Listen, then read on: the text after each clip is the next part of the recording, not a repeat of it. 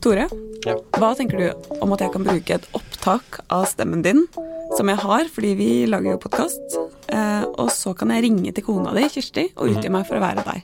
Ja, eh, jeg tenker Eller kommer an på hva du skal si. Hvis det måtte letter min byrde, så er det ok. Hvis du skal bruke det til onde hensikter, så tenker jeg at det ikke er greit. Ja, det er jo kanskje noen onde hensikter, Ja. da. Hva hvis jeg f.eks. sier at jeg, eller du, da, har vært i en ulykke, Ja. og at jeg trenger hjelp av Kirsti til å overføre noen penger til meg? Ja. Eller enda verre, at jeg kanskje finner opptaket av stemmen til sønnen din, hvis han har lagt ut en film på TikTok, og så bruker jeg det til å ringe deg og si ja, helt ugreit. Ja, Ja, ikke sant? ikke gjør det. Det er litt skummelt. Og i dag så skal vi snakke om hvordan kunstig intelligens kan brukes for å svindle deg. Velkommen til Svindelpodden, podkasten som skal gjøre at du blir enda mer bevisst på hvordan du skal unngå å bli svindlet. Mitt navn er Ida Marie Edholm, og jeg er svindelekspert i Nordea. Og med meg så har jeg min gode kollega og nesten-ekspert Tore Lekster Hauge. Og vi har med en gjest som vi er veldig glad for å ha her. eh, Som har lang erfaring fra medie- og teknologibransjen. Han er teknologirådgiver og journalist i NRK Beta. Eirik Solheim, velkommen til oss. Takk for det. Du, I dag så skal vi snakke om kunstig intelligens, kanskje maskinlære, og hvordan alt dette kan brukes til å svindle oss. Ja, Men- Det er ganske spennende og litt skremmende. Ja, det er veldig, veldig skremmende. Men kan vi ikke bare liksom først eh, få vite litt hva er egentlig kunstig intelligens? Det er jo eh, en, en litt annerledes måte å programmere datamaskiner på. Eh, så eh, kaller de det for maskinlæring, og teknologien her kaller de for nevrale nettverk. og Det er jo sånn, litt sånn oppkalt etter neuronene i hjernen vår. Og så liker egentlig ikke forskerne eller egentlig noen at vi skal sammenligne det for mye med den menneskelige hjernen, men, men det er nå en sånn analogi som fungerer litt. da. Du programmerer ma- maskinen litt annerledes enn ellers, eh, på en måte som gjør at maskinen lærer seg greier.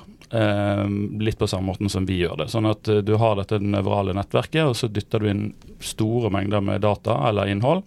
Og da ut i andre enden, veldig enkelt forklart, så får du en, en datamodell som forstår seg på dette innholdet du dyttet inn. Sånn at klassisk er jo å, å fylle den opp med sjakktrekk, og så til slutt har du en maskin som kan spille sjakk.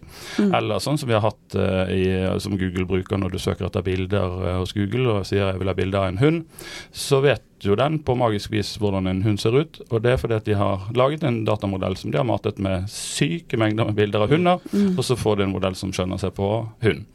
Og sånn kan du holde på. Og nå i det siste har den teknologien blitt enda kraftigere. Eh, og blant annet så kan du mate en sånn modell med stemmen til en du kjenner, og så kan du lage, altså syntetisk lage stemmen til den personen og få den personen til å si egentlig hva som helst. Mm. Men, og vi snakker jo ofte om, eller bruker kanskje liksom termen kunstig intelligens, Ja. eller AI. Mm. Men er det det vi egentlig snakker om? Jeg har også hørt liksom maskinlære. Ja, maskinlæring er liksom en del av uh, sekkebegrepet AI, eller Ja. kunstig intelligens. Uh, så, og så er det jo ingen tvil om at nå i løpet av det siste året, spesielt pga. denne tjenesten som heter Mm. ChatGPT, så grunnen til at liksom alle snakker om kunstig intelligens akkurat nå, Ja. eh, er jo fordi det har kommet en del tjenester som har nådd oss sluttbrukere eh, mye tydeligere. For kunstig intelligens har man begrepet ble definert på 50-tallet. Og, og det er ganske lenge siden vi husker at det var en datamaskin som eh, var så god i sjakk at den slår de beste Mm. osv. Så sånn at dette har jo eh, teknologiverdenen holdt på med veldig lenge. Mm. Men så er det nå i det siste hvor vi har fått disse tjenestene som er innenfor det som vi kaller for generativ AI. Eh, og det, det er relativt enkelt egentlig. Ja. Generere. Eh, kunstig intelligens som genererer innhold. da, Som kan lage bilder, lage tekst, lage lyd, musikk, hva som helst. Mm. Ja, og vi har jo liksom sett disse videoene på TikTok av noen som utgjør seg for å være Tom Cruise. Det er hyggelig. ja, ikke sant? Eh, så dette har jo på en måte blitt litt sånn allemannseie. Ja, det, er det, det har kommet tjenester som har gjort det mye enklere. Nå er det en For en del år siden så gjorde vi en test med såkalte deepfakes, Mm. som er en teknologi som har også vært der en stund, hvor du eh, bruker bilder av eh, et ansikt som du har, og så får du modellert en, en, på en måte en 3D-modell av det ansiktet, og ved hjelp av forskjellige teknologier så kan du da lage en video, sånn som med det Tom Cruise på, som ikke er Tom Cruise, men det Mm. ser ut som han. Mm. Eh, da på en måte Det blir en slags sånn puppet master. Ja. Du, kan, du kan styre ansiktet Ja, ja. til en person akkurat sånn som du vil. Så vi gjorde det for en del år siden hvor vi fikk eh, nyhetsfyren vår Yama Wolasmal til eh, å snakke samisk og kinesisk. Og, Mm. For han også ble litt skremt når han så resultatet selv. Han kan ikke snakke samisk, men der ser han seg selv snakke samisk. det er. Det er det er sikkert, sikkert eh, Akkurat det eksempelet med Tom Cruise er sikkert noe eh, ennå liksom, Eller det vil jeg tro, og nå må dere bare bære over med meg, men at det er jo enda enklere nå å defake Tom Cruise. Fordi hans ansikt nå begynner å bli mer eh, som den deepfake-versjonen av seg selv. det er skremmende. Nei, men det er jo eh, de, altså Veldig kjente ansikter og kjente personer er det jo lettere å, å forfalske enn eh, så, så jo mindre som fins av det på internett, jo vanskeligere er det jo. Sånn at ja. eh, vi gjorde en test nå eh, for noen uker siden hvor vi laget en modell av stemmen til Erna Solberg. Mm. Kjempelett. Det fins jo nyttårstaler og altså, haugevis av Mm. opptak av henne, så, så det var ikke noe problem. Og så gjorde jeg en test i fjor hvor jeg spesialtrente en av disse her eh, AI-modellene med ansikter av, eh, av noen kjente personer i NRK. Mm. Eh, Da avtalte jeg på forhånd, og så fikk lov til det. Eh, og Det er ganske fascinerende, for da kan du bare skrive inn hva du vil. Si at jeg vil gjerne ha den personen som sitter og drikker øl på en bar, Ja. og så får du bilde av det. Og til å begynne med så var det jo litt sånn du kunne se at det var ikke helt ekte, men det blir jo bare bedre og bedre. Mm. Er ganske skremmende. Og vi skal jo snakke en del om på en måte, de sånn dårlige sidene ved dette, eller hva det kan misbrukes til. da. Mm. Men hva tenker du er de gode sidene med kunstig intelligens, deepfake? Og der er jo, der er jo masse, masse. Altså Én Ja. ting er jo kunstig intelligens eh, sånn som det har blitt brukt innen forskning lenge. Innenfor medisinsk forskning og billedanalyse og diagnostisering. og Der finnes det veldig mange gode eksempler. Eh, alt fra at du i noen tilfeller så kan du ta et bilde med mobilen av øyet ditt og sende det inn, og så er det kunstig intelligens som analyserer og sier om, om du har noe sykdom på øyet eller ikke. Mm. Eh, og røntgenbilder. og Det er jo sånne åpenbare sånn helt der oppe med redde liv-type Ja. bruk av kunstig intelligens. Ja. Eh, I mediebransjen nå det siste året så er det jo veldig spennende å, å, å se på dette som nesten blir den industrielle revolusjonen for innholdsproduksjon. Ja. Der hvor eh, datamaskinene stort sett bare har blitt brukt til å, å redigere innhold, Mm. så kan de nå hjelpe oss med å lage innhold. Og det er jo ingenting, altså Mye kan sies om ChatGPT, og at den har gitt oss noen utfordringer innenfor undervisning, og folk Mm. bruker den på feil måte og spør den om ting hvor den ljuger tilbake og sånn. Men som tekstverktøy er det et helt fantastisk bra verktøy som, som Mm. kan hjelpe en ting, og så hjelpe mennesker som eventuelt sliter med ordblindhet, eller som, som sliter med å få ordentlig tekst ned på papiret, så kan Mm. du få hjelp av den. Um, så, så det blir jo Akkurat der er det jo sånn Vi, vi vi har fått regneark og kalkulator kraftige verktøy, men for tekst. Og det er ganske interessant. Mm. Ja. Men så hvis Dette er jo en podkast om svindel. Eh, så det sier seg jo selv at vi må jo snakke litt om på en måte de dårlige sidene ved Ja. dette. Eh, fordi vi ser jo at dette misbrukes. Eh, Absolutt. Allerede har blitt misbrukt til mye Ja. dårlige greier. Ja, og det har det egentlig blitt kanskje noen år, men jeg føler det er nå, ja, det siste halve året kanskje, hvor det virkelig på en måte har økt, da. Mm. Eh, og vi, jeg vet jo Økokrim hadde en trusselvurdering hvor de også mente at det var liksom meget sannsynlig at dette er noe de kriminelle kommer til å ta i bruk det eh, er vel så sannsynlig at det har blitt tatt i bruk allerede. Ikke sant? Ikke sant? Ja.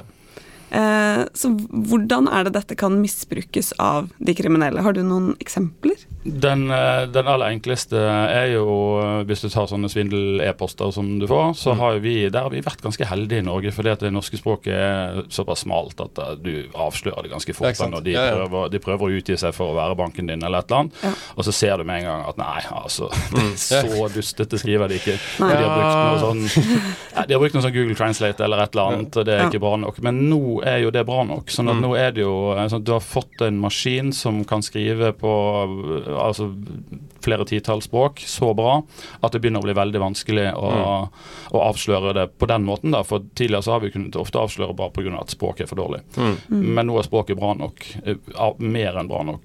Så det er jo en utfordring. sånn at det at du kan få noe sånne svindelige poster som er skrevet perfekt på norsk, Mm. selv om ikke det er det. eh, Det er skrevet av en eller annen et eller annet sted på andre siden av kloden, for den saks Mm. skyld. Men de bruker da disse verktøyene for å få språket vårt perfekt. Det er jo én måte det blir brukt på allerede. Mm. Så da må vi liksom bruke litt andre triks for å avsløre sånne Ja. type henvendelser, da. Ja, absolutt. Ikke- For det, nå er de mer troverdige språkmessig, i hvert fall. Mm. Så det med å tenke hva er det de ber meg om å gjøre, for Ja.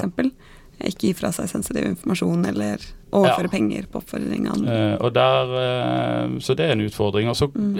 har jeg ikke sett så mange konkrete eksempler på dette med falske stemmer eller Mm. falske ansikter eller bilder, men, men vi kommer jo garantert til å se det også. Og Ja. akkurat nå så er det litt sånn fiklete å, å lage en stemmemodell eh, av stemmen til Erna, eller hva det måtte være. Mm. Du, må, du må ha litt over middels datakunnskap hvis den skal bli ordentlig bra. Mm. Mm. Men det blir bare enklere og enklere, det også. Ja, men det var jo uh, i media eller for et halvt år siden så var det jo en sak med en person som hadde blitt kjærlighetssvindlet.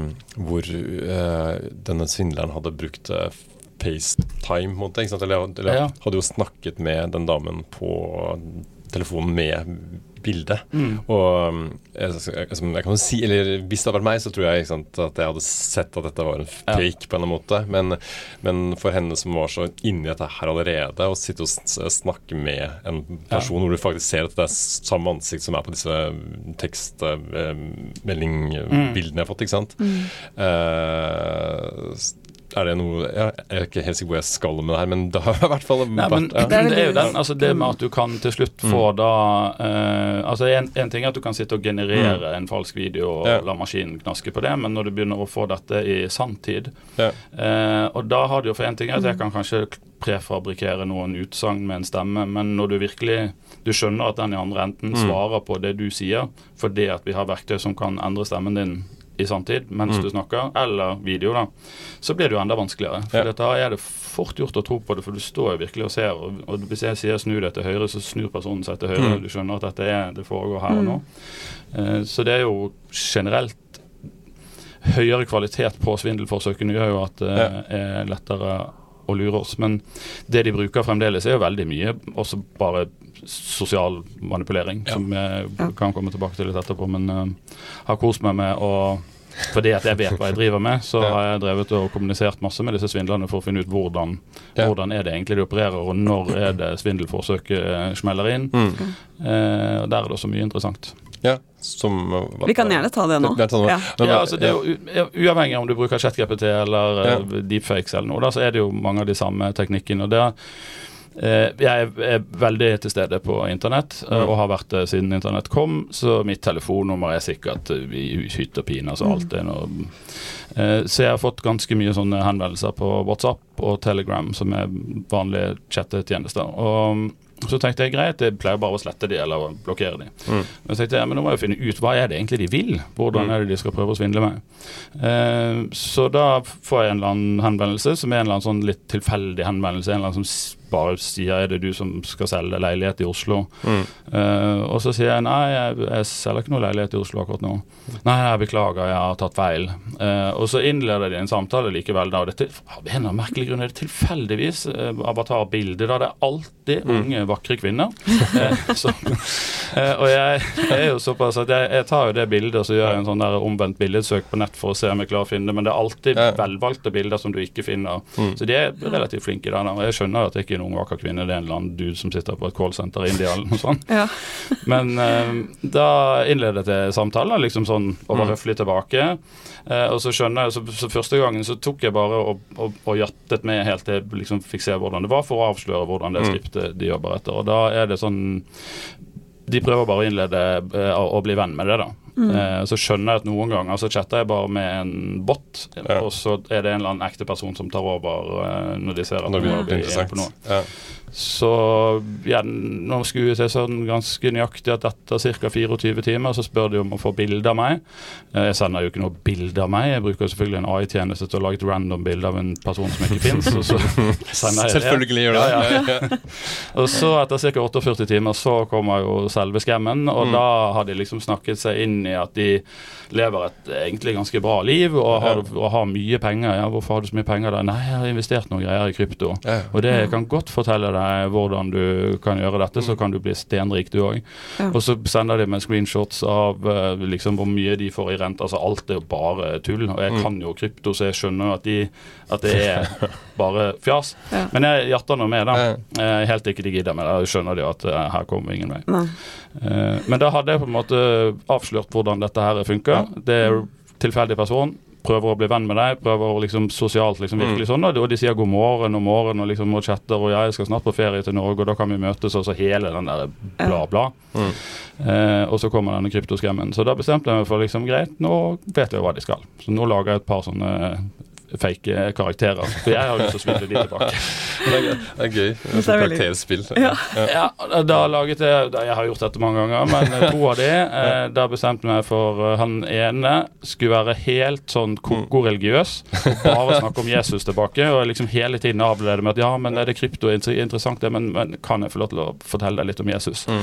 Litt sånn som enkelte som av og til kommer på døren, som kan være litt irriterende hvis de Ja. for frelst. Ja. Eh, og da merket jeg jo at svindleren i andre enden begynte å bruke det og si at ja, men Jesus will love you if you invest in crypto, Ja. og så videre. Men eh, de kom selvfølgelig ingen vei. Jeg ble ganske lei. Og den andre er egentlig enda bedre, for da bestemte jeg meg for at eh, OK, da tar jeg Jeg vet jo at det tar ca. 48 timer, så kommer de med kryptoskremmen. Mm. Sånn at da bestemte jeg meg for at den karakteren skal jo selvfølgelig komme personen, altså svindleren, i forkjøpet og foreslå for svindleren at du bør investere i krypto. Oi! For det at jeg som person har bare laget en karakter, og så ah, rett før jeg vet at de skal begynne med kryptogreiene, så sier jeg by the way, altså jeg har tjent så mye penger på krypto, jeg syns du bør investere i Mm. krypto. Og da blir, går det jo helt i ball. Ja. Helt perpleks. så det, så det, Hvordan reagerer de da? Nei, så de, de er forbausende standhaftige på at de likevel så, Å, nå har du investert i krypto? Men det har også peiling på krypto, og her, nå skal du høre. Ja, så holder jeg på. Så til slutt så renner det ut i sanden, for de skjønner at de ikke tjener noe. Den siste nå så laget jeg en karakter som, eh, som hva jeg hadde bestemt meg for at jeg skulle si at jeg var forsker. På, Mm. Og de vet at jeg bor i Norge, for de har nummeret mitt, liksom. Så jeg sier at jeg er på Universitetet i Oslo som forsker. Mm. Tjener ganske bra på det og holder på med den vanlige chit-chat-mølet. Mm. Eh, og den personen blir liksom da såkalt kjent eh, med meg, og bla, bla, bla. Og så kom, spør de hva er det du forsker på, da. Nei, jeg forsker på crypto-scams i social media. og da ble det stille. Eh, men det som er interessant, her da, er at de har sluttet å kontakte meg. Jeg tror jeg har klart å ende på en eller annen sånn svarteliste hos skammerne, så nå får jeg ingen flere sånne Ja, det er, henvendelser. ja, er Fordi de har blitt så lei av han der fyren som kasta vekk tiden deres. At uh, det bare, Så nå var jeg litt glad når jeg endelig fikk en til. Altså, kunne, Ja. Det, henger et AI-generert bilde av deg på et callsenter. Ja. Ja, men det, altså, jeg tviler ikke på at de eh, har en sånn svarteliste, de òg. At de skjønner Mm. at det er bare bortkastet. Altså, der, er det, der, når vi ikke noe. Nei. Men, Eh, en bitte liten digresjon, men tror du uh, noen gang at uh, noen som har prøvd seg på en kjærlighetssvindel hvor man driver med sosial manipulasjon, at de faktisk har forelsket seg i hverandre likevel? At de bare 'Å, 'Den personen her var jo dritinteressant'. det er jo et filmmanus. Det er Ja, kjempesøtt. Hvis det, Ja, hvis det Hvis det. Ja.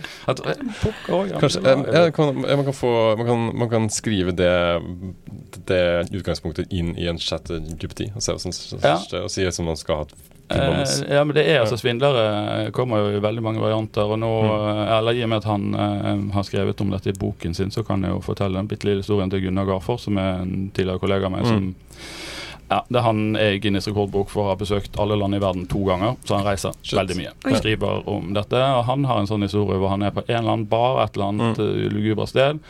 Eh, blir sittende og snakke med en dame på denne baren, da, og, og hun er jo supersjarmerende og, og tipp topp, og så bare våkner han dagen etter, og han har blitt dopet ned. Mm. Og bare shit, liksom nå eh, Og så finner han lommeboken sin da, med alle pengene og alt, og en Mm. liten lapp eh, fra hun damen og sa 'beklager', liksom, men jeg hadde tenkt å svindle deg og Mm. dopet deg ned, men du var så hyggelig. Jeg noen ting av det. Beklager det. Så da, da kan jo av og til hjelpe å være så hyggelig at til og med svindleren ikke vil svindle deg. Det er veldig hyggelig. Men vi må jo litt tilbake til dette med liksom deepfake og kunstig intelligens. Eh, når Hvis man f.eks. blir oppringt da, av noen, og så høres det ut som det er et familiemedlem, Mm. eller sånn som Tore Mm. fortalte i sted om hun som ble svindlet, kjærlighetssvindlet, Ja. eh, av en hun skypet med. Ja. Hva, hva er det disse, disse svindlerne eller kriminelle trenger av f.eks. opptak av stemmen, bilde, video, for å kunne de lage dette? ja, altså hvis de skal eh, lage en falsk versjon av stemmen din, så uh, trenger de jo uh, et opptak av den. Og så Mm. er det jo sånn at de får Dette er en type teknologi som, som kom for noen år siden, og da trengte du liksom to timer med høykvalitetsopptak for å klare å lage en sånn modell. Det aller siste jeg så nå, uh, som er Google sine Og det er heldigvis, kan jeg for så vidt si, ikke lansert eller noe, men det er Mm. forskerne hos Google som har testet. Og da trenger de fem sekunder av stemmen din, okay. og så kan de lage en forbausende god modell uh, hvor de kan bare skrive inn akkurat hva de vil, og så Mm. sies det ut med din stemme. Eh, og det er Det var på engelsk, de testene. Om det fins på norsk, det vet jeg ikke, men da det, det, det er ganske imponerende. For det er fem sekunder. Da har ikke du sagt alle bokstavene i alfabetet engang, men likevel er den modellen så bra Ja. at den klarer å lage en god representasjon av, Mm. av stemmen din. For jeg har hørt eh, en historie om at det var noen som ble oppringt av en eh, som utga seg for å være en telefonselger, da, eller et eller annet sånt. Og så hadde de en liten samtale Mm. på, eh, på telefon, eh, og så brukte da den Ja. kriminelle det opptaket Mm. til å f.eks. ringe søsteren eller broren eller Ja. moren Mm. eller et eller annet sånt. Eh, Ja, så det er det mulig, da, og det blir kanskje mer mulig etter hvert. Det er absolutt mulig. Ja. Og det er jo eh, Og jeg merker jo altså Jeg er veldig mye rundt og, og holder foredrag eh, om kunstig intelligens. Eh, og, og det er noe litt sånn fascinerende med selve det der presentasjonsformatet, for da står du og ser publikum i øynene. En ting er å sitte i et podkaststudio eller på radio eller et eller annet, men når du står fysisk ute og ser folk, så ser jeg det veldig ofte. og jeg har Altså, jeg går ikke rundt med en sånn dommedagsforedrag. Jeg er teknologioptimist. Og, Mm. Men jeg ser at folk blir redde. De blir redde for den altså svindelgreien. Og tenker Mm. at nå, nå vet vi jo ikke hva som Mm. er sant i det hele tatt lenger. Og så er folk redd for å miste jobben og redd for alt mulig rart. Men Ja. det jeg, Og jeg, jeg skjønner det jo. Mm. Jeg prøver bare å vise eksempler på ting som kan gjøres, og så sitter folk der og er helt livredde. Ja, nei, det er jo, det er jo ikke sant eh, Det er jo ikke fritt for at man tenker Sånn som eh, jeg eh, driver mye med tekst, ikke sant, Mm. og skriver mye her på huset.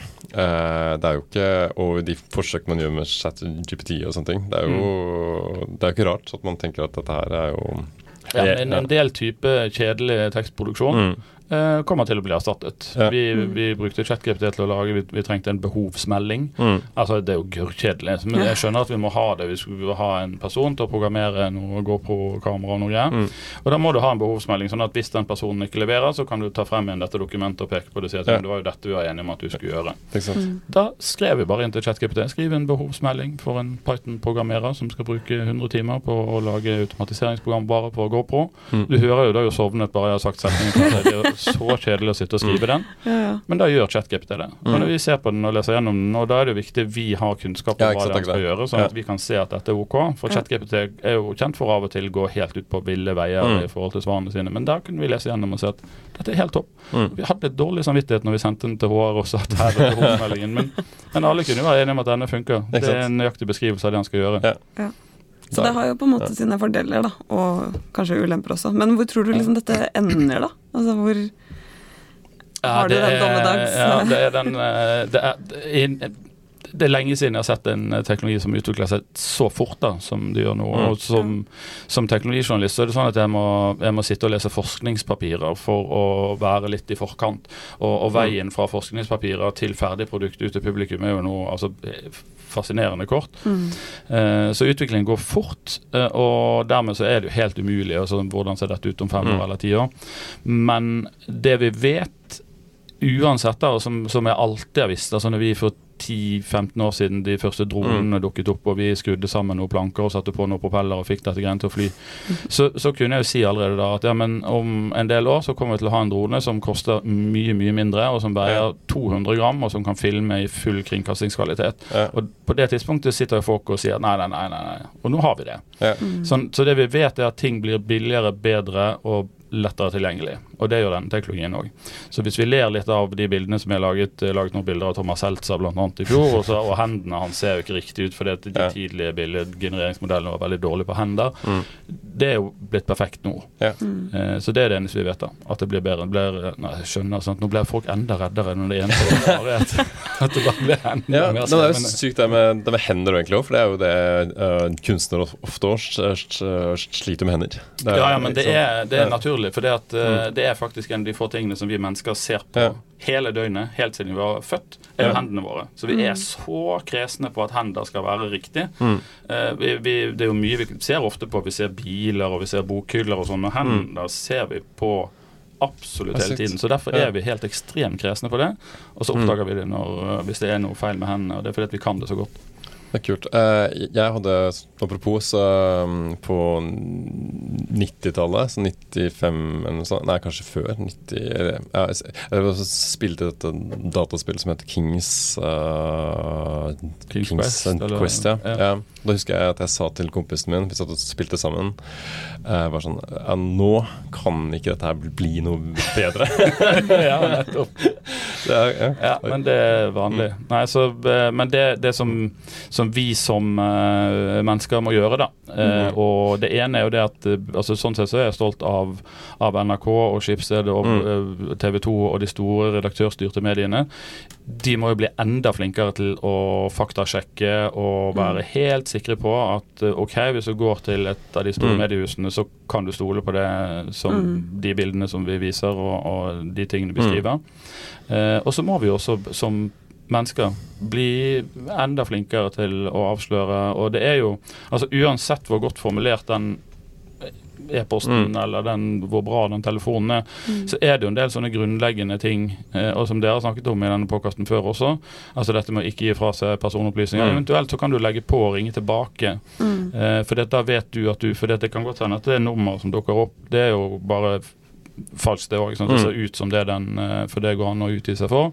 Men hvis du legger på og ringer faktisk tilbake igjen til den ekte telefonen, så Eh, ja, så det er hele tiden å, å være på vakt og dobbeltsjekke. Og det er jo også den gode gamle med at hvis det høres ut som det Ja. er for godt til å være sant, Ja. så er det det. Når de kommer, og når jeg drev og chattet med det, alle disse her som Mm. skal kryptosvindle meg, så er det jo ikke måte på. Altså, de, jeg, jeg kunne jo nesten trodd på det hvis jeg hadde sagt at jeg skulle tjene liksom 500 kroner dagen, men det er Mm. sånn jeg skal tjene 70 000 per dag. Ja. Eh, Det helt sånn ellevilt. Eh, og uansett så er det ikke tilfeldige folk som kontakter deg for å sørge for at du skal få masse penger. Da er det bare alarmbjeller over det hele. Ja, ja. Ja. Det det er jo et ekstremt godt poeng der. At liksom selv om det er en, et overbevisende forsøk, så er det som utgangspunktet Hallo, liksom, du skal ikke Dette er ingen som ringer deg sånn altruistisk og bare Mm. Men jeg, jeg skjønner at det er fort gjort å bli lurt, for jeg ser det Ja. selv. For det får jo mye sånne Og noen ganger så ser jeg shit, nå var det, nå var det Mm. like før jeg begynte å trykke på noe greier her. Ja. Mm. Selv jeg som er veldig oppmerksom på det og, og har skrevet om det. Og, Mm. ja, så det er det er fort gjort, så vær på vakt hele tiden.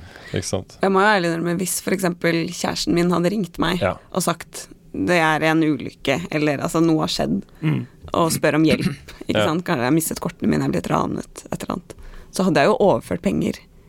Det er jo, man har jo lyst til å hjelpe, Ja. eh, så det er jo litt det derre hvor på en måte troverdig og realistisk og personlig Ja. det blir, da. Ja, og da er den ekstra ille den når det er din mor eller ditt barn eller din Ja. kjæreste som ringer. eh, Ja.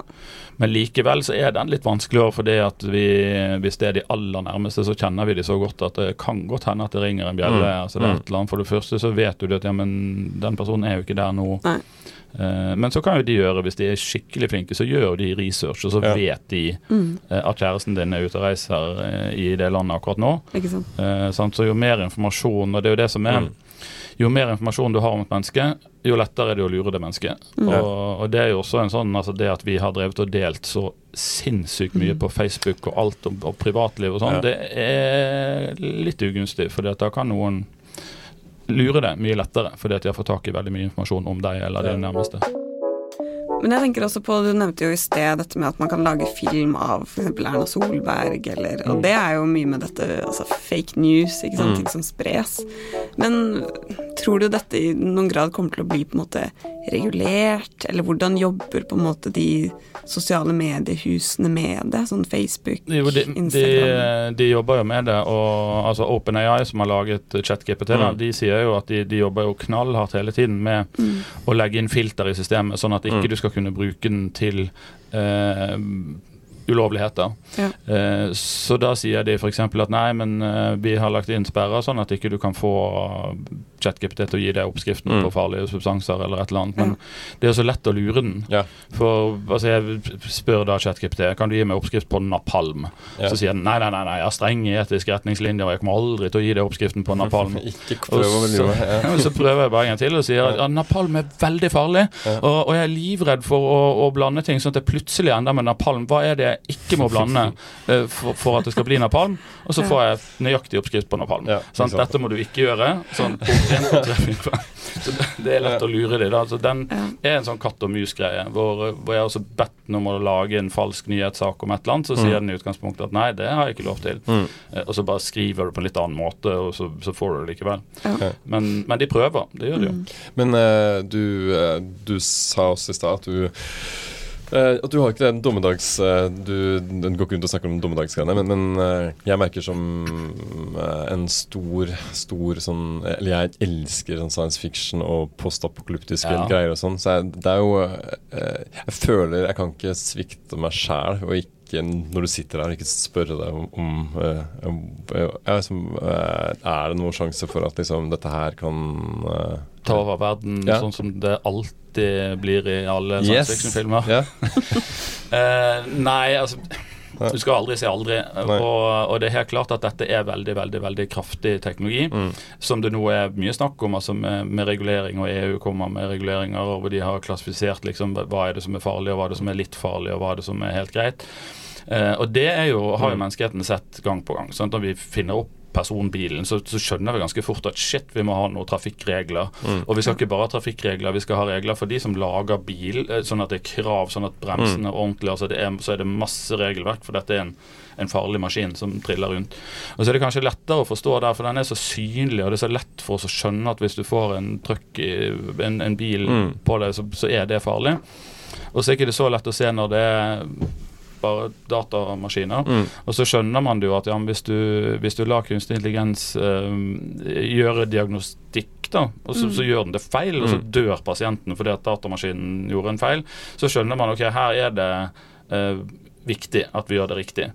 Uh, og sånn som det er nå, så er det jo Hvis, hvis, du, skal, hvis du skal bli lege, da, Mm. så er det jo en kjempelang utdannelse, og det er du må, få, du må ha den lisensen i orden, og så er det masse krav til deg for at du i det hele tatt skal få lov til å, Mm. å være lege. For det, det er ganske farlig hvis du går rundt og er en helt bunkers og, Mm. og ikke noen av ja. og, og det gjelder jo at, at du må ha en bevilling for å få lov til å Til og med bare gatekjøkken har jo masse regler på hva de skal gjøre for at ikke de skal matforgifte alle. Mens her er det nå, per i dag så er det ikke noen regler. Og så ser vi at dette er jo de selskapene som utvikler um, systemene, og vi ser at det er potensielt til dels, altså Hvis det gjøres feil, så kan det bli farlig. Så vi Mm. må ha, så, så regulering og sånn, det, det kommer nok på plass. Men Mm. det er vanskelig, og noe av utfordringen er at de aller mest komplekse eh, systemene De er så komplekse at vi ikke vi, det er umulig Mm. for oss å finne ut hvordan den egentlig kom frem til svaret. Mm. Ja. Eh, og det er jo en utfordring. Som oftest hvis, det- hvis det er en veldig klok person som sitter foran deg, så gir deg et svar, så kan du komme med oppfølgingsspørsmål og si ja, men Mm. hvordan, hvor, hvorfor kom du frem til det svaret?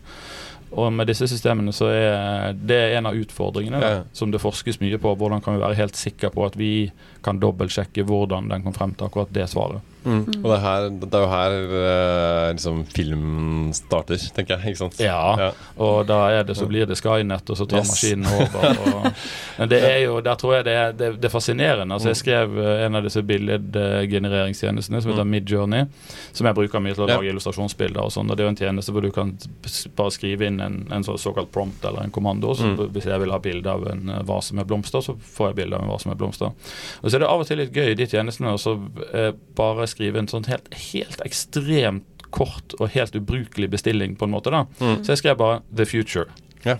Og så fikk jeg jo en sånn der Matrix, eh, dystopisk ja. altså illustrasjon som var bare hvor, hvor menneskene var eh, inni noe sånt. Altså, det, er jo fordi at den er jo trent på ja. våre science fiction-historier, og de er ofte dystopiske. Ja, for det er en av grunnene til at jeg ikke har prøvd ut dette her, er fordi jeg tror jeg kommer til å skremme meg selv så mye. ikke sant, Når man begynner liksom å liksom programmere inn hva er, det, hva er det som finnes et, liksom, liv etter døden og masse sånne ting. Ja, ikke sant? Også, men, og de billedgenereringstjenestene er også fulle av filter, sånn at ikke du skal kunne lage ordentlig altså blodåger. Ja. Og, og ja. siden det er amerikanske tjenester, så må du for guds skyld ikke ha noe nakenhet. For nei, nei. ikke det prøver de i hvert fall å unngå ja. som. Ja. Men vi snakker jo om deepfake, ChatGPT osv. Mm. Hvis man skal se litt inn i liksom, krystallkulen, da. Mm. Hva tror du på en måte er det neste som kommer? Har du noe formening om det? Noe det er jo uh, altså Det er jo alltid å svare at de tjenestene vi har, blir veldig mye bedre. Ja. Eh, men eh, selve innenfor denne her generativ AI-biten, altså mm. der hvor maskinen hjelper oss til å lage bilder og lage tekster og lage musikk, Eh, så tipper jeg at det kommer til å skje veldig mye spennende når det gjelder musikk. Eh, mm. Hvor den blir helt vanvittig mye bedre og kan lage helt fantastisk bra musikk fra mm. grunn av. Eh, og så er jo altså selve disse språkmodellene sliter de jo litt med nå, for de har ikke kildehenvisning, og vi, vi, vi, leder oss å tro at vi kan spørre dem om mm. ting som vi ikke kan spørre dem om, men det kommer de til å fikse på, sånn at Google og Google Translate og, mm. og disse tjenestene kommer til å bli veldig mye bedre. Mm. Og så kan det hende at endelig på nå så kan Siri og disse her talestyrte assistentene kanskje begynne å bli fornuftige, for de er jo bare irriterende. Og når jeg sier at Google Home kan du gjøre sånn og sånn, så bare nei, skjønner jeg ikke, jeg er bare dum som et brød. Men det kan jo hende at det blir en del av det, at vi kan faktisk nå begynne å snakke til datamaskinen, og så skjønner den faktisk uh, hva vi sier. For der blir vi jo stort sett bare irritert. Ja, det er kult. Jeg tenker, jeg, eh, Det er jo en digresjon, men jeg, jeg, har vært, jeg er grunnleggende veldig skeptisk til eh, at AI kan lage musikk. Ikke sant? Mm. Som, ikke sant? For det er en kunst, og det er ikke sant? Ja. Men igjen, når du sier liksom, hvis de Uh, kan ta da liksom uh, alt du vil liksom Beatles og ja. alle som sammenligner liksom, og lager uh, musikk basert på de, disse tingene. ikke sant? Så det er jo mye av det samme man gjør ellers òg. Ja, men Spotify vet jo forbausende mm. godt hva du liker, ja. og den er jo mm. til dels altså den der Når den kommer med sånn ukeanbefaling til meg, så blir mm. jeg altså, blir jo kjempeglad. For den ja. er jo veldig flink til å foreslå ting som jeg har lyst til å høre på. Mm. Men hva om den rett og slett kan lage musikk helt fra grunnen av som er helt perfekt til akkurat deg. Ja.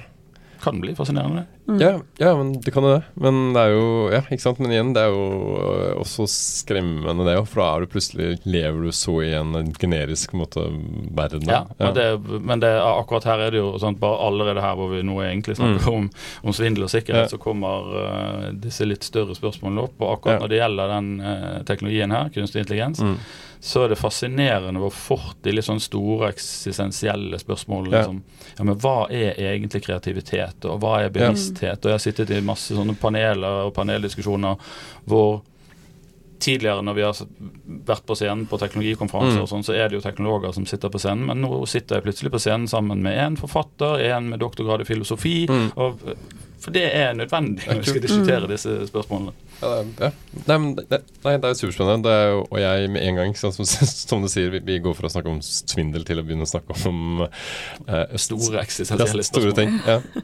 Det sier bare litt hvor stort dette er, da. Og, hvor, uh, og egentlig hvor spennende det er å se mm. hvordan dette kommer til å utvikle seg. Ja. Jeg syns det er noe av det mest spennende som har skjedd innenfor teknologiutvikling på veldig mange år. Ja. Uh, og da er det jo sikkert litt skremmende også. Det var jo det samme. altså Forrige litt sånn ordentlig spennende greie var jo disse dronene. Det, det var litt sånn gøy å se. Og, noe, eh, og da ble også en del mennesker skremt. Eh, og, uh, og da igjen, da, altså, da er vi jo kanskje litt tilbake igjen på dette med svindel og sånn, men folk var så livredde for at ja, men nå kan folk fly en drone utenfor vinduet og filme inn vinduet mitt. Eh, og og syntes jeg var veldig, ble veldig redd for det. Mm. Eh, og som jeg prøver å si, at, ja, men du, altså den, uansett, selv når den er bitte liten, den dronen, så ser du den der utenfor vinduet, og den lager lyd. Sånn at det er jo ti ganger verre at det ligger en eller annen dude på et fjell på andre siden med en telelinse og filmer Ja. i vinduet ditt, for det har de kunnet gjøre hele tiden. Ja. Og det er mye vanskeligere å oppdage. Ja. Ja, nei, men Det har man ikke tenkt så mye på. Eller bare liste seg inn i hagen og filme inn vinduet ditt. Men folk driver ikke så mye med det. det er liksom, og Selv om vi har fått droner, så har det liksom ikke blitt sånn at det henger droner utenfor vinduene til folk og filmer Mm. likevel. Mm. Uh, så noen ganger så er det jo sånn at det er en ny teknologi gjør ting plutselig veldig skremmende, men hvis du tenker etter, så har vi jo hatt den muligheten kjempelenge. Mm. Eh, og også med disse billedgenereringstjenestene, som da kan, da kan jeg lage et falskt bilde av Erna Solberg, da, siden vi hadde Mm. henne som eksempel i sted. Men de har jo forfalsket bilder siden de sto på mørkerommet og fjernet deler av bildet osv. Så videre, sånn at det har jo vært mulig. Så OK, så er det lenge Det, det blir enklere nå. Mm. Eh, og for 10 år siden eller 15 år siden så måtte du ha ordentlig kunnskap i Photoshop for å virkelig kunne lage Mm. et falskt bilde, mens nå kan du bare skrive en kommando og si at uh, Så det er enklere, men det er likevel ikke noe helt nytt. Ikke sant. Ja. Og så ser vi jo kanskje også at jeg er fortsatt avhengig av denne, bruke den sosiale manipulasjonen eh, Ja. som vi snakket om, i kombinasjon med den teknologien, Det for å virkelig gjøre, gjøre det troverdig. Ja, og det er eh, og så, Sånn at den Og den har jo ikke endret seg. Den, altså de teknikkene du må bruke for å prøve å, Mm. å innynde deg. Mm. Eh, og, og da er det jo de samme gamle, sånn som er disse her eh, som kontakter meg på Eller som nå har sluttet å kontakte meg på Telegram. Eh, men det er jo liksom OK, jeg er en mann, da er det en ung dame, og så prøver man å være hyggelig og blid, og så ja, er du, og det, og det i det der skriptet så fant jeg også ut det var, det var ganske tidlig i samtalen, så er det alltid så spør de om jeg er singel eller ikke. Sant? For de skal jo prøve å lure meg på den måten der. Mm. Og det spille på de enkleste følelsene våre. Ja. Eh, men de følelsene er jo veldig sterke, sånn at da er det jo ja, altså, Plutselig så treffer de en som ikke er så irriterende som meg, og så klarer de det likevel. Mm. Det er jo de, de, eh, Disse folka som sitter på disse callsentrene, er under ganske hardt angrep på. Fordi vi har hatt en psykolog her. Mm. Eh, og han hvis jeg ikke husker feil, han drev også med noe av det samme som deg. Ja. Men han uh, vil vel omvende de på et tidspunkt eller få dem til å tenke litt igjennom hva er det de egentlig gjør med livene sine. Og, og. Ja. Så, så hvis de må gjennom så og så mange for å liksom uh, klare oss å skamme noen, så ja. Ja, jeg, jeg tror ikke det er noen hyggelig jobb eh, for Nei. de som sitter der og, og gjør dette. Men det er dessverre så er det jo sånn at de, altså de tjener noen penger på det. Ja. Eh, men det er eh, Altså jeg prøvde, jeg hadde en annen hvor jeg prøvde, hvor, jeg, hvor jeg tenkte det ultimate er jo å klare å Mm. snu svindel, sånn at jeg faktisk klarer å svindle den. eh, og det var på Facebook, hvor eh, det var en sånn klassisk hvor, hvor det er en som jeg har kjent på Facebook kjempelenge, som plutselig legger meg til som venn, så jeg skjønner noen har da laget en falsk profil. Eh, og så tenkte jeg greit, og jeg pleier alltid bare å si nei, men så tenkte jeg nå skal jeg se da, hva er det de skal prøve seg på. Så jeg sa Mm. ja, og da, når du har den som venn, så kan de jo kontakte deg på Messenger eller begynne å chatte, så da tok det jo ikke lang tid før han Mm. Eh, i gårsøgne, da, for det var ikke han, tok kontakt med meg på, på Messenger og sa at du, har du hørt om det? Det er noe sånn fantastisk eh, stipend du kan få, som er helt, penger som du kan bare helt gratis, du trenger ikke betale tilbake. Um, og på akkurat så dårlig norsk at jeg skjønte at det ikke var han for så vidt, og det Mm. visste jeg allerede, men ok, så chatta jeg med.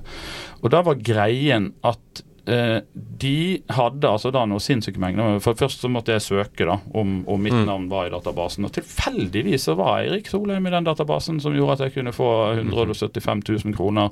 Eh, som jeg skulle få på døren tilsendt til? DHL i cash, faktisk. Ja, Ja. Og så så vi sender de meg video som viser at den pakken er ferdig pakket og ligger bare liksom Men, men det er bare én liten snegg at for å aktivere disse pengene, så må du bare først sende oss for 5000 kroner i eh, iTunes-koder. Ja. Så du må gå og kjøpe iTunes-kort, så Ja. må du skrape de kortene, og så må du ta bilde av koden og sende til oss. For da kan vi aktivere disse 175 000. Bare, ok, men det, det, er jo sikkert noen som går på det òg, ja. men jeg fant nå bare en haug med sånne gamle iTunes-kort som er ferdig brukt og skrapt for lenge siden. For det, det er to gutter som har fått iTunes-kort i julegave og sånn, de låner og slengte. Jeg tok bilde av en, sånn, en brukt kode, da, ja. og en til, og en til, og sa at nå har jeg vært og kjøpt for 5000. Så er det full panikk i andre enden? Ja, men du må, ikke, du, du må jo ikke registrere de på din konto, liksom. Dette er jo en registrert kode. Det må være og masse, masse. Jeg bare slapp av, slapp av. Jeg skraper og registrerer og, mm. og holder på. Eh, og så fortsatte jeg en stund. Og han skulle ha meg til å levere tilbake disse, og jeg måtte kjøpe nye mm. kort, og jeg gikk frem og tilbake. og så Eh, så var det en dag hvor jeg var på vei hjem fra jobb, så var jeg innom en butikk. Mm. Eh, og så kjøpte jeg to flakslodd. Ja. Eh, og så skrapte jeg de og tok bilde og sendte til han at nå har jeg liksom, nå har jeg skrapt koder, liksom winning, faen det var et eller annet winning money jeg skulle få. Mm. Og han bare her, hva, hva, hva, er dette her for noe kort, liksom? Nei, det, han sa i butikken jeg kunne vinne sant, winning money hvis det ja. Nei, det var noe Nå må du tilbake og kjøpe iTunes-kort, da. Ja. Eh, og så fortsatte jeg å skrape, og så fikk jeg faktisk Jeg vant 25 kroner på flakslodden. Så at, men nå er det tre riktige her, så nå. Nei, men det er ikke så var det jeg tenkte greit, men nå kan jeg få snudd det. Så tok jeg bilde av et av de der flaksloddene, mm. og så photoshoppet jeg det sånn at det så ut som jeg hadde vunnet en million. Mm. og så postet jeg det til han og sa du, shit, nå, tusen takk, liksom. Nå har jeg vunnet en million pga. deg. Mm. Og hvordan kan jeg få betalt det tilbake? Nå sitter jeg og har så mye penger nå at jeg, jeg må jo betale deg tilbake. Så var jo planen min å si til han at bare for å aktivere, for å aktivere litt penger fra meg nå, så må mm. du bare sende meg noe iTunes-kode. det skjedde ikke da. men ja, jeg sitter jo sitter igjen og fas, er minst like fascinert over hvordan du tilbringer tiden din. Som dette AI-greiene. Ja, men dette er jo de der eh, å sitte og chatte med disse svindlerne. Det er sånn som vi sitter på kvelden og bare koser oss. Jeg syns det er kjempegøy. Det er gøy å lage en sånn dustete, hyperreligiøs karakter og svare i terapien. Sånn, men uh, jeg bruker mye tid på teknologi, men det er jo jobben min. Og ja, både jobb og lidenskap, da. Ja. Men jeg skjønner at du har blitt svartelistet. Ja. Det høres jo slitsomt ut å snakke med deg. Ja, men det, det, var det jeg syntes var litt fascinerende. For dette, og, det, og, dette vet jeg ingenting om, men jeg har uh, lagt merke til at de har sluttet å kontakte meg på, mm. både på Facebook og på uh, WhatsApp og på Instagram. Og mm de har sluttet å ringe meg òg. For jeg får jo hele tiden sånne telefoner fra de mm. akkurat samme kryptogjengen som de prøver jo både på telefon og på chat og alt mulig. Mm, mm. Uh, og da tenkte jeg jeg skulle rett og slett sette meg ned og sende ut hele telefonloggen min og så lage en statistikk, for da går det an å se det, liksom. At den har mm. bare droppet med alle de utenlandsnumrene. Okay. Uh, det, så jeg har en teori, og dette er bare en teori, mm. men jeg har en teori om at hvis du irriterer dem lenge nok, så blir du svartlistet. Så du alltid masse. Ja, det kan jo være tips fra oss, det. Ja. Jeg vet ikke. altså det, Du skal være forsiktig når du begynner å, ja. å begi deg ut på å kommunisere med disse. Det, jeg, ja, jeg kan jo dette, så jeg vet jo hvilke nettlesere mm. jeg bruker. Jeg vet hvordan jeg sjekker eh, lenker de sender, og, ja. og vet at jeg ikke selvfølgelig sender jeg ikke bilder av meg, mm. osv. Men, uh, så det er jo en uh, Det er ikke en livsfarlig lek å begynne å, å leke med dem. Men, uh, men, jeg tenker jo som så mm. at hvis jeg bruker én time på å sitte og chatte, så er det én time de ikke har brukt på å ja, ja. kommunisere med en som de kunne ha lurt. da. Ja jeg får bare innrømme at jeg er ikke så veldig redd for Nei. at maskinene skal ta over. Jeg er ikke så veldig redd for at uh, alle nå blir svindlet i hytt og pine, med, selv om teknologien for så vidt muliggjør det. Mm. Så, og da er jo den podkasten og mediehus og alle Det er viktig, og for ikke å snakke om skoleverket òg, mm. veldig viktig å å lære seg kjøreregler for ikke å bli lurt. Mm. Uh, men igjen, sånn har det jo alltid vært. Og det er jo ja. uh, Altså, jeg, er jo også mye ute og reiser. Og back in the day så drev vi jo hadde faktisk kontanter i lommene våre når vi var ute og mm. reiste. Mm. Uh, og så har jeg selvfølgelig lært at jeg har jo ikke hele kontantbeholdningen i innerlommen på dressjakken mm. som er lett. Og, og så har, har jo til og med en eller annen klart å, en lommetyv fått hånden er og tatt ut, men da var mm. det liksom Da var det 20 dollar som lå i den lommen, mm. så hadde jeg de andre pengene i en annen lomme osv. Så mm. Sånn at noen sånne helt grunnleggende ja. ting også i det digitale må vi bare lære oss, og det er alltid viktig. Og Det er alltid noen der ute som har lyst til å lure andre mennesker, og sånn har det vært siden steinalderen og sikkert før det. Mm. Ja, ikke sant. Og det der å tenke på at de må de er avhengig av å bruke sosial manipulasjon i tillegg. Da. Det ja. med å få tillit, skape frykt, spille på tidspress, hastverk, kjærlighet, økonomi, alt det der. Mm. Eh, så at man også kanskje kan tenke på det. Mm. At ikke teknologien i seg selv eh, lurer deg Ja. ikke, men det er på en måte det samspillet. Nei, altså får de det til å bli grådig. Sånn at de der som Mm. skulle sende meg eh, 175 000 kroner i Mm. cash med DHL, skulle komme på døren Mm. om fire timer. Sånn at hvis du da henger litt med og tenker ha, altså, shit, fire timer, så har jeg 100 000 kroner på døren. Det hadde vært gøy. Eh, og viser meg denne videoen av pakken som ligger Mm. på samlebånd hos DHL, men jeg må bare sende de litt iTunes-kort først før de kan aktivere. men de spiller på alle sånne ting, da. Ja. De, eh, eh, og, og sikkert altså, I Norge er det jo helt meningsløst å foreslå cash, Ja. men, men likevel så er det noe et eller annet når du ser, Mm. ser faktisk de pengene, og Mm. så kanskje du tror at ja ja, muligens kanskje de kan sende meg de pengene. da. Mm. Skal, jeg, skal jeg avslutte med eh, noe, noe mind-blowing? Ja. Eh, eh, hvordan kan lytterne nå være sikre på at ikke de har hørt en samtale mell mellom tre stemmemanipulerte eller en chat GPT her? Jo, Ja. det er de ikke sikre på. Nei, ikke sant? Kanskje la den henge? ja, bare la den henge der. Takk for at du hørte på. Hvis du har lyst til å høre mer fra Svindelpodden, så kan du gå inn og abonnere, så du får beskjed om når neste episode slippes. Og del gjerne med venner eller bekjente som du tenker eh, kan ha nytte av å høre på dette. Du har hørt på Svindelpodden, en podkast fra Nordea. Vi i Rema 1000 kutter igjen prisene. Nå på en mengde påskefavoritter. Eksempel kutter vi minst 25% på gourmetstykket fra Hatting, 150 gram bacon fra Nordfjord, rett i koppensuppe fra Toro og andre påskefavoritter. Alt dette og enda flere priskutt på minst 25 For det er sluttsummen på påskehandelen som teller. Og husk at vi fortsatt har fryst prisen på over 1000 varer.